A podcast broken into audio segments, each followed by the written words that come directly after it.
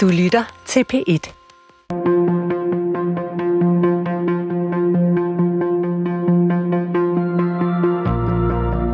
Hvad kan vi bruge en næsten 2.000 år gammel samling tekster til?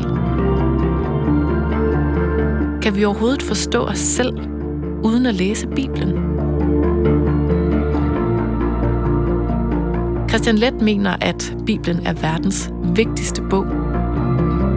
Lauke Hendriksen læser den for første gang. Og sammen gennemgår de historierne, der stadig former vores bevidsthed og forsøger at finde ud af, hvad de betyder for os i dag. Velkommen til Bibelen Let Fortalt. Højsangen. Mit billede, Christian, af et kirkerum, det er, altså, det er sådan ret fromt, og det mest sensuelle, der sker, det er til et bryllup, hvor brudeparret det ligesom kysser. Mm. Og ellers så har kirken den holdning, at resten, det, det er noget, der hører til soveværelset. Og så det skal du op med den her saftige bøf.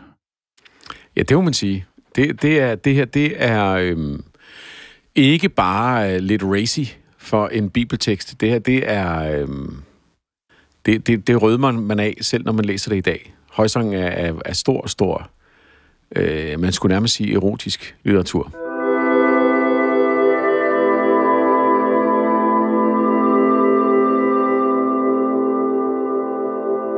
Ja, altså, jamen, hvad er det? Altså, det, det, det er, altså, det, jeg har skrevet, det er en kærlighedsduet. Det er ligesom det, jeg kunne komme frem til. Jamen, det synes jeg er et meget fint øh, øh, billede. Altså, vi har en, en tekst, som har to, hvad kan man sige, stemmer. En, en mand og en kvinde. Den er, den er tilegnet Salomon, øh, den, den savnomsbundne, mytiske konge, som højst sandsynligt ikke øh, har eksisteret i den form, øh, han, han optræder i Bibelen, men den bærer både præg af noget sådan egyptisk, øh, mesopotamisk, hvor man har haft sådan en erotisk litteratur, eller en, en kærlighedsdækning, som er meget mere direkte, end hvordan vi normalt tror, sådan nogle samfund var. Men den sprog daterer den nok til ret sent, altså sådan noget et par hundrede år før Kristi fødsel, eller noget i den retning. Og så er den blevet tillagt Salomon, som, som så ifølge legenden levede tusind år før. Og så har du i og for sig en tekst, som er en mandestemme og en kvindestemme, der, der taler til hinanden øh, skiftevis, og besynger hinanden, længes efter hinanden, øhm, og sammenligner hinanden med alskens mere eller mindre grafiske metaforer i deres samtale om, om længsel og elskov og, og kærlighed.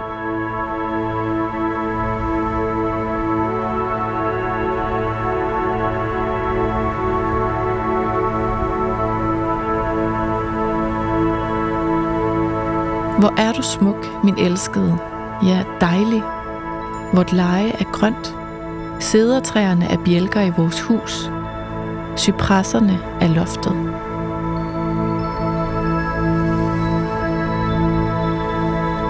Jeg er Sarons rose, dalenes lilje. Som en lilje blandt tisler er min kæreste blandt unge piger. Som et æbletræ blandt skovens træer er min elskede blandt unge mænd.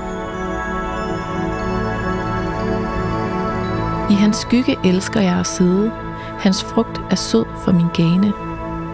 Han har ført mig til vinhuset. På skiltet over mig står kærlighed. Styrk mig med rosinkager. Forfrisk mig med æbler. For jeg er syg af kærlighed.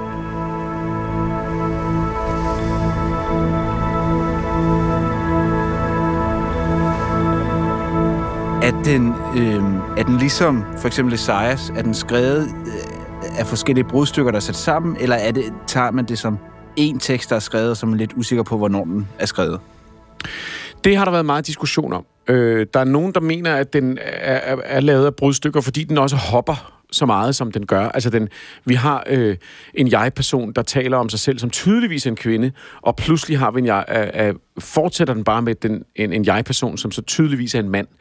Øhm, men samtidig er der ikke rigtig noget sådan intertekstuelt, der tyder på, at den hopper i tiden, fordi det er, den, den, øh, den refererer til nogle steder og til nogle geografiske lokationer, men det er mest som billeder. Øhm, det, det placerer den i en, en jødisk øh, virkelighed, øh, altså de steder, den refererer til, men der, det er en meget lidt kan man sige, øh, socialrealistisk, eller øh, politisk, eller, eller sådan øh, geografisk øh, national tekst. Så, så man mener nok, at den, den ligesom står som sin egen øh, i, i historien, men, men til gengæld, øh, altså der er nogen, der mener, at den minder om noget græsk poesi, der blev skrevet i 200 år før Kristi fødsel, så, så det kan godt være, at den minder lidt om det, samtidig som det er meget, stadig er meget jødisk hele vejen igennem. Og så er det jo virkelig, virkelig saftigt. Altså, det er jo, det er jo virkelig... Øh, altså, som sagt, nu, nu har jeg sagt det nogle gange, men man tænker, ja, det lyder da skønt med noget, noget klassisk poesi om kærlighed, men det er jo altså virkelig... Øh, det er en til en, det her. Ikke? Der, der, det, det er meget klart, at disse to mennesker, de elsker hinanden, men de begærer også hinanden. Og de... de, de øh, altså, de, det, det er meget kropsligt, ikke? den her tekst, Christian, den er, øh, den er helt vild. Altså allerede bare de første fire vers, så er tonen sat, og det gør også, at så læser jeg resten af teksten meget seksuelt orienteret.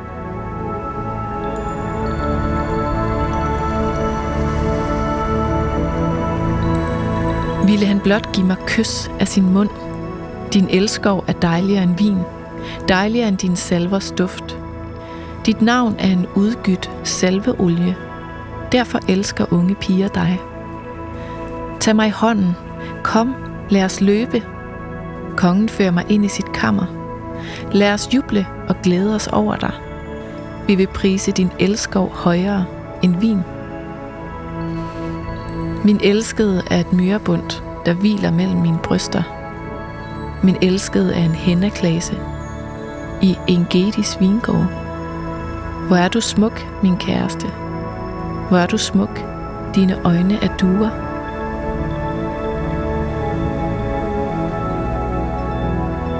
Altså, det, det, nu hopper jeg bare ind her til vers 7, hvor der står, din skikkelse er rank som en palme. Ja. Dine bryster er som klaser. Jeg siger, jeg vil klatre op i palmen, jeg vil gribe fat i dens grene. Din bryster skal være som vinstokkens klaser, din ånde som duften af æbler, din gane som den dejligste vin, der flyder rigeligt til mig og drøber ned over læber og tænder. Jeg er min elskedes, og han begærer mig. Kom, min elskede, lad os gå ud på landet. Lad os overnatte mellem hænderbuskene. Lad os gå tidligt ud i vingårdene for at se, om vinstokken har sat skud, om blomsterne har åbnet sig, om granatæblerne blomstrer. Der vil jeg give dig min elskov. Det er, det er fantastisk øh, poesi, og det er, det er øh, så sansligt og så øh, tilstedeværende på en eller anden måde, og uforstillet samtidig, som det er øh, helt utroligt øh, poetisk i ordet, så den klassiske forstand, ikke? der bliver virkelig malet med, med, med, med, med billeder, men, men en til en, så er det her en, en, en tekst, der handler om, ja, som du selv øh, citerede, elskov, ikke bare kærlighed som en eller anden form nej, for nej. forhøjet øh, følelse. Ikke? Og, og hvor, jeg har jo stillet det før, men, men igen, altså, hvordan er det endt her? Altså, hvordan er det forblevet? i, i, i de hellige skrifter? Jamen, det er jo ikke engang forblevet. Det er jo faktisk noget, der kom med ret sent, som sagt. Altså, det er egentlig en tekst, som, som, som øh, ikke er lige så gammel, tror vi, så, som mange af de andre tekster, der er med i det gamle testamente. Og den var kontroversiel allerede dengang. Øhm, altså det kan man se, at der, har været, der, der var en masse diskussion omkring den. Man kan sige, at den jødiske tradition, når vi nærmer os øh, Kristi fødsel, og århundrederne før og efter specielt, er en tradition, hvor man skriver og diskuterer teksterne, både dem, der er i Bibelen, og også alle dem, som er, er på kryf og ligger rundt om. Og man diskuterer og, og prøver at finde ud af, hvad betyder det her? Hvad er det her for noget? Hvad, hvad, hvad betyder det i virkeligheden? Og så videre, og så videre. Og der kan vi se, at det her har været en, en, øhm, en, en tekst, de har haft hmm, de, de, de, har, de har været udfordret omkring. Ikke? Øhm, men man kan sige, Hvorfor? det, jamen fordi det er en tekst, som er, handler om to elskende, og deres, øh, der, så har vi den her meget lejende dialog, og den her meget, meget forelskede tone. Det er meget, meget ungt. Det er tydeligvis ikke to øh, 45-årige mennesker, der taler til hinanden. Det her, det er, det er nogen, der løber øh, over, over engen.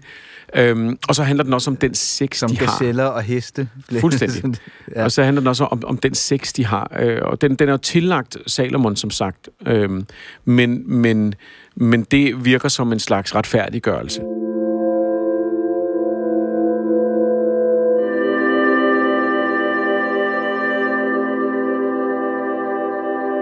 Det her det er noget af det mest utrolige kærlighedslitteratur, der findes. Punktum. Det er poetisk, det er drevet, det er visionært, og det, det er berusende at læse. Og, og, og de her tidlige rabbinere her, de mente, øh, og det er det altså i århundrederne lige efter Kristi fødsel, at denne her tekst, den gjorde læseren uren. Og der er sådan en tradition, som, som bliver vendt lidt på hovedet her, som normalt er, at, at for at komme ind i templet, så skal man være ren. Og det er både, at man skal have rette handlinger, men man skal også have, du ved, øh, være velsignet på en eller anden måde. Her der bliver det pludselig omvendt, at hvis man læser den her tekst, der bliver man uren. Og det er, sådan, det, det er et meget fint billede i og for sig, at hvis man læser den her tekst, uden at forstå den, hvordan man skulle læse den, så, så, Ja. så, så, ja, hvad gør den så? Jamen, så, så, så bliver, får man, du ved, så får man røde kinder og, og, og, og, og alle mulige tanker ind i hovedet. Og, og der, der er en rabiner, der skriver på det her tidspunkt, at, at de, som, de, som reciterer denne her på værtshuse rundt omkring, de formøbler ligesom deres spirituelle skæbne. De, de, de, de, de sætter over styr, de sætter deres skæbne over styr. Øh, men samtidig siger den samme rabiner, hele verden er ikke lige så værdig som den dag, da højsangen blev skrevet.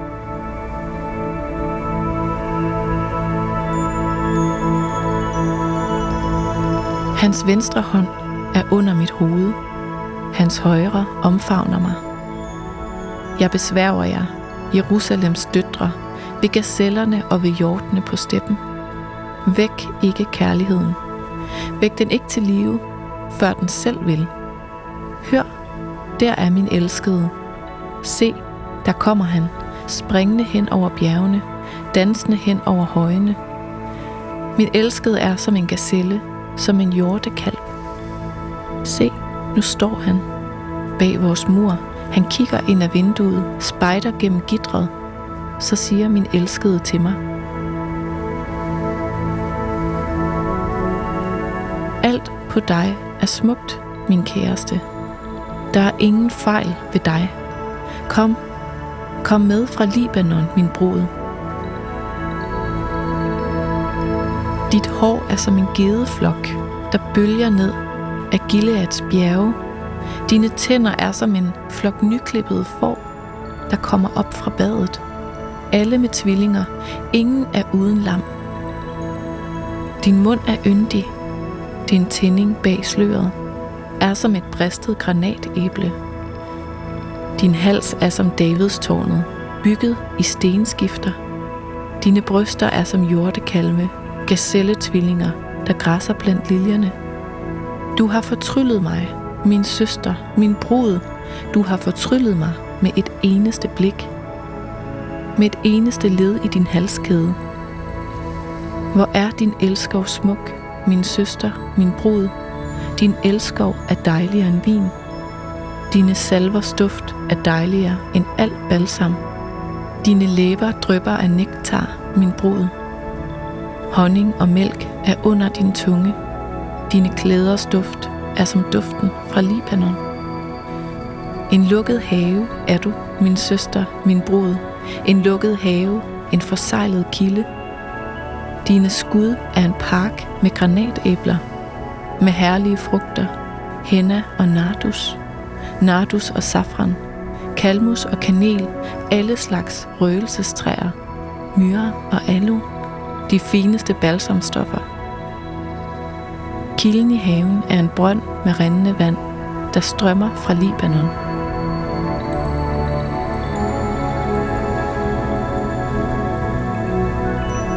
Så den har den der dobbelthed teksten af, at der er ingen tvivl om, at det er en, det er en, en erotisk juggernaut, øh, og samtidig så, så er det bare så har de allerede dengang vist kunne se, at den, den også har været guddommeligt inspireret. Så, hvordan hænger det sammen?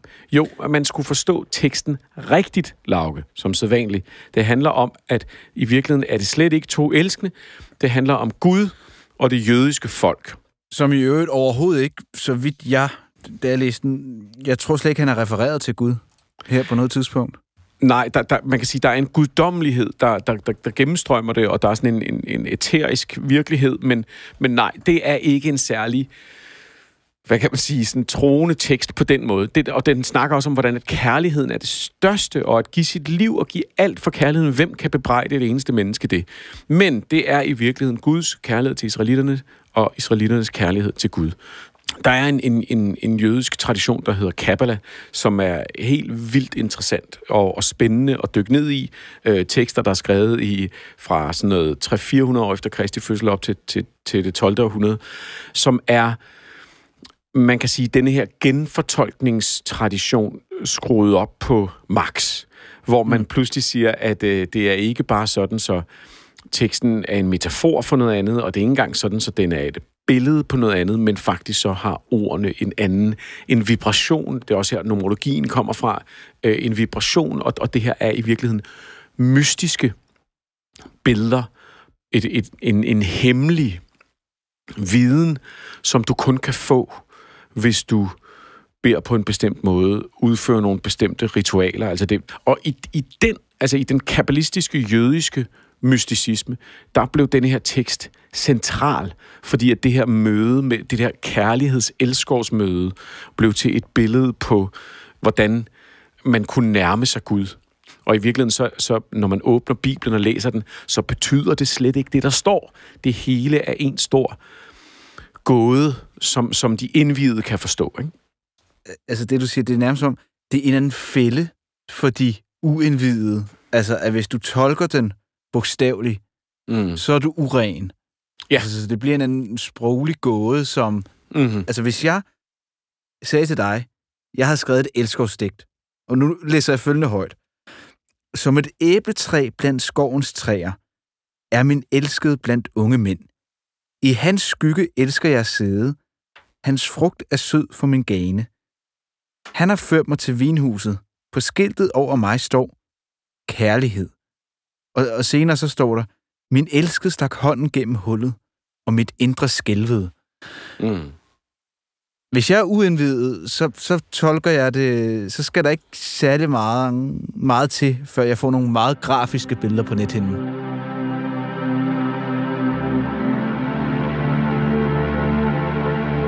Jeg sov, men mit hjerte var vågent. Hør, min elskede banker på. Luk op for mig, min søster, min kæreste, min due, mit et og alt. Mit hår er fuld af duk, mine lokker er nattens stråber. Jeg har taget min kjole af. Skal jeg tage den på igen? Jeg har vasket mine fødder. Skal jeg snavse dem til igen? Min elskede stak hånden gennem hullet, og mit indre skælvede jeg stod op for at åbne for min kæreste. Mine hænder dryppede af myrer. Mine fingre dryppede af flydende myrer ned over dørslåen. Jeg åbnede for min elskede, men min elskede var forsvundet. Han var væk, og jeg blev ude af mig selv. Jeg besværger jer, Jerusalems døtre. Hvis I finder min elskede, hvad skal I da fortælle ham? at jeg er syg af kærlighed.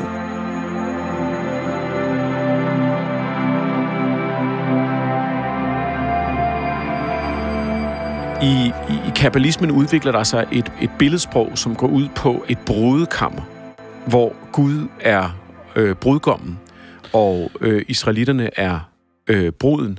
Og mm. det her mystiske brudekammer, det er et kammer, som som du kan nærme dig ved at, øh, hvad kan man sige, hengive sig mere og mere. Og der, der ligger en, et sprog der i hengivelsen. Man hengiver sig også til sin elskede.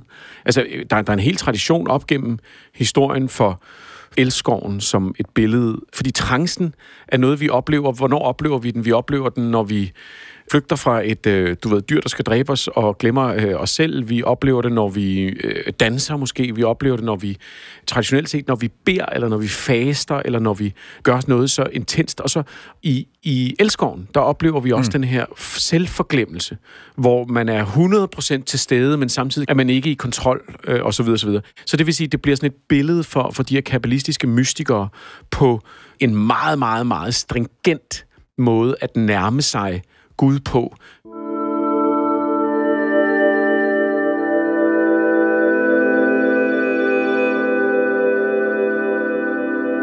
I kristendommen sker der noget ret interessant. Der sker der det, at øhm, i løbet af den, i, i middelalderen faktisk først, der begynder man pludselig at tale om Maria, Jomfru Maria, som en hellig figur. Det er hun egentlig ikke i Bibelen. Vi taler også om, hvordan hun får den her betydning, som har sådan, været sådan lidt... Det er faktisk uadresseret i Bibelen. Og så i middelalderen begynder der at komme den her... Øhm, hvad kan man sige, mystiske tradition omkring, igen mystiske i ordets sådan religionshistoriske forstand, omkring øh, Maria som en helgen, som en, øh, som en guddommelig øh, kvinde. Man begynder at bruge utrolig meget tid på, hvordan hun må er blevet gravid, uden at, mens hun samtidig er jomfru, noget, der i og for sig stammer fra tilsyneladende en fejloversættelse af, af begrebet ungmø, men, men øh, i, i Esajas, men, men der kommer sådan en, det, det udvikler sig en helt tanke omkring, og så bliver hun en, en, en, en, en helgenfigur og en, og en beskytter for de, de svage og de fattige, moderen, som tager sig af folk. Og så pludselig så, så kommer der en kobling mellem højsangen og øh, Jomfru Maria. Og det sker blandt andet hos en anden mystiker og og kirkefader, som hedder Bernard af Clairvaux, som skriver 86 prædikner om højsangen. Så mange prædikner skriver han om højsangen, hvor han tolker og tolker og tolker og forsøger at give mening i det. her. så kommer der den her idé om, at kvinden i teksten i virkeligheden er Jomfru Maria, og der kommer sådan en, der, der er sådan nogle linjer i, i, i, i teksten, som hos jøderne bliver til det her brodekammer, det her lukkede kammer. Det bliver et, en, en, man kan diskutere, hvor elegant den er, men en metafor for hendes jomfruelighed. At den eneste, der får lov til at gå ind i det kammer, nu kan du bare selv forestille dig billederne, det er Gud. Og derefter forbliver det kammer lukket og låst. Hmm. Øhm, og så, og så, så er der den her meget, meget legendariske linje i starten på kapitel 2. Ikke? Jeg er Sharons rose, dalenes lilje.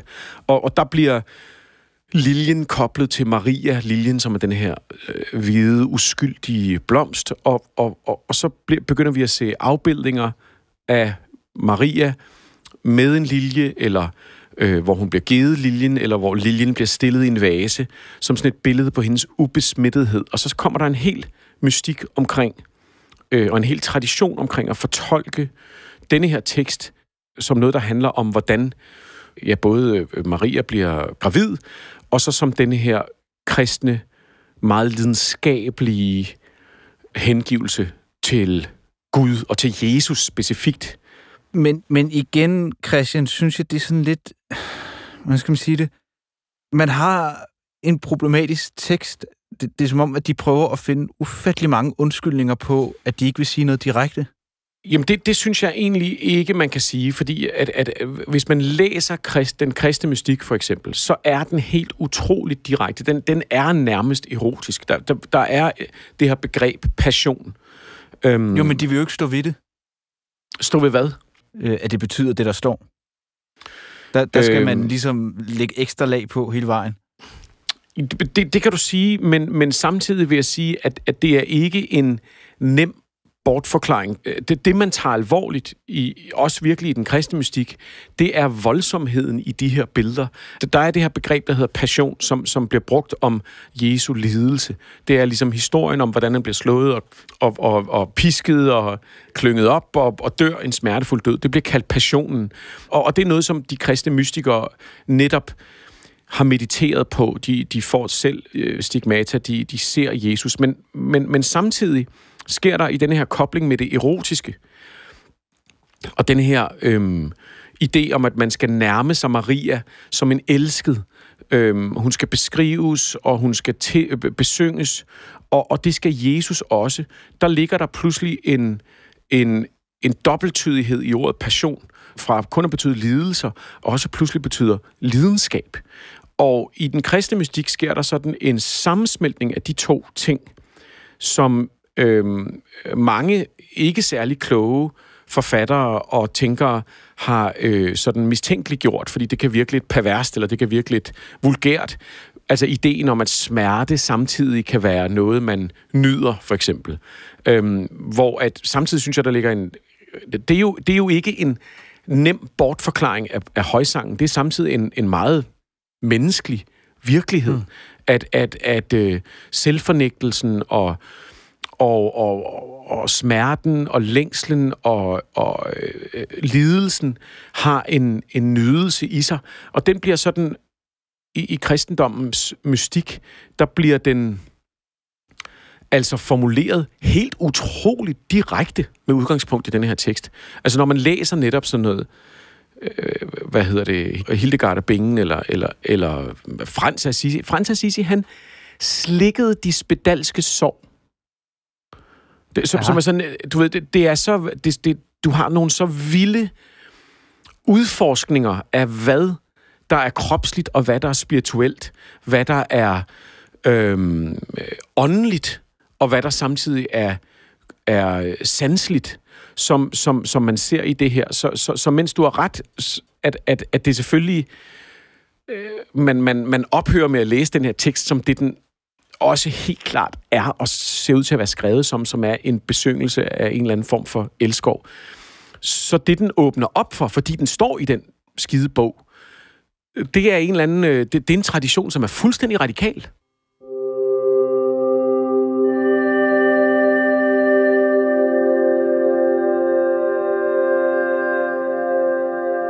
Det er virkelig en tekst, der viser os, at det, der er skrevet ned, og det, der står, ændrer mening igennem historien. Og det er uden, at der bliver ændret så meget som et komma. Vi kan i dag sidde og mm. læse mm. det en til en, og læse det her altså drøbende, sanselige, øh, hengivende stykke, stor, stor, stor kærlighedslitteratur, elskovslitteratur, Øh, og alligevel så ændrer teksten sig ved, at, at den bliver sat ind i en anden kontekst. Og mange af de tekster, vi læser, har jo en betydning, som oprindeligt er tabt for os. Så mm. har man sagt, hvad betyder den her for os? Og det, der så er interessant, det er, at det der glimt i øjet, der startede med, hey, man kan jo læse den på den her måde. 200 år efter, der er ikke nogen, der kan huske det glimt i øjet. Det er forsvundet. Fordi selv, det er ikke bare tekstens historiske kontekst, der er forsvundet. Konteksten for fortolkningen, genfortolkningen er også forsvundet. Og derfor læser man den nye Så det giver betydning... slet ikke mening? Det giver slet ikke mening at Jo, snakke om, hvad formålet med den her tekst har været? Når vi læser de her tekster, skal vi kaste 2.000 års tolkning ud af vinduet. Så det vil sige, at vi kan sige, at det er jo det, den handler om. Så kan vi bare kaste, du ved, 2-3.000 års fortolkning ud, når vi læser bibeltekster. At vi skal tilbage til originalen. Men så mister vi også historien om den kristne mystik, om kabbalagen, om, om, om, om genfortolkning. Vi mister hele den historie, som jo har formet os så meget i dag, at vi vil ikke sidde her og have den her samtale, hvis ikke vi var formet af hele den historie. Mm. Er, er, det så, er det så det modsatte, der er svaret? Teksten betyder det, nogle kloge mennesker er blevet enige om, den betyder. Nej, det, det virker også fattigt. For mig, se, så, så, for mig at se, så, så er svaret må være, at vi må netop vi må have dørene på klem. Vi bliver nødt til at prøve at læse med den åbenhed, som er, at teksten kan gå i mange forskellige veje, og, og både lade den slå os, lad os blive frapperet over den lige fremme øh, erotiske drift, men også lad os også samtidig øh, acceptere, at værket, værket er ikke bare det, der står. Værket er også kontekst. Og som sagt, det, at vi to i dag sidder og taler på den måde, det er, fordi vi lever i den kultur, vi har, hvor det erotiske er noget, der bliver i talesat, hvor vi forbinder fortiden med noget stift og mondænt og pænt, hvor religion er blevet en institution, som ikke forholder sig til alle de her ting. Og derfor læser vi den og bliver slået af det. Ja, efter min mening, det man kan prøve at stræbe mod, det er at prøve at holde alle dørene på klem.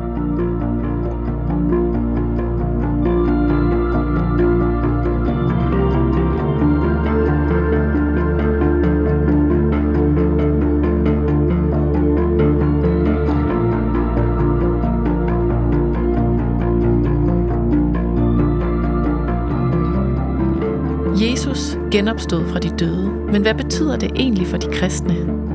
Næste gang kigger vi på Paulus brev til Korintherne, hvor han skriver om, at Jesus overvindelse af døden er afgørende for hele det kristne budskab.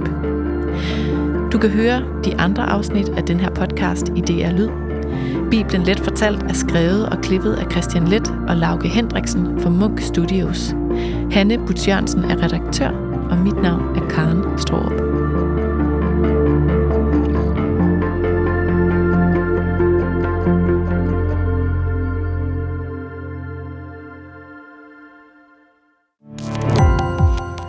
Gå på opdagelse i alle DR's podcast og radioprogrammer. I appen DR Lyd.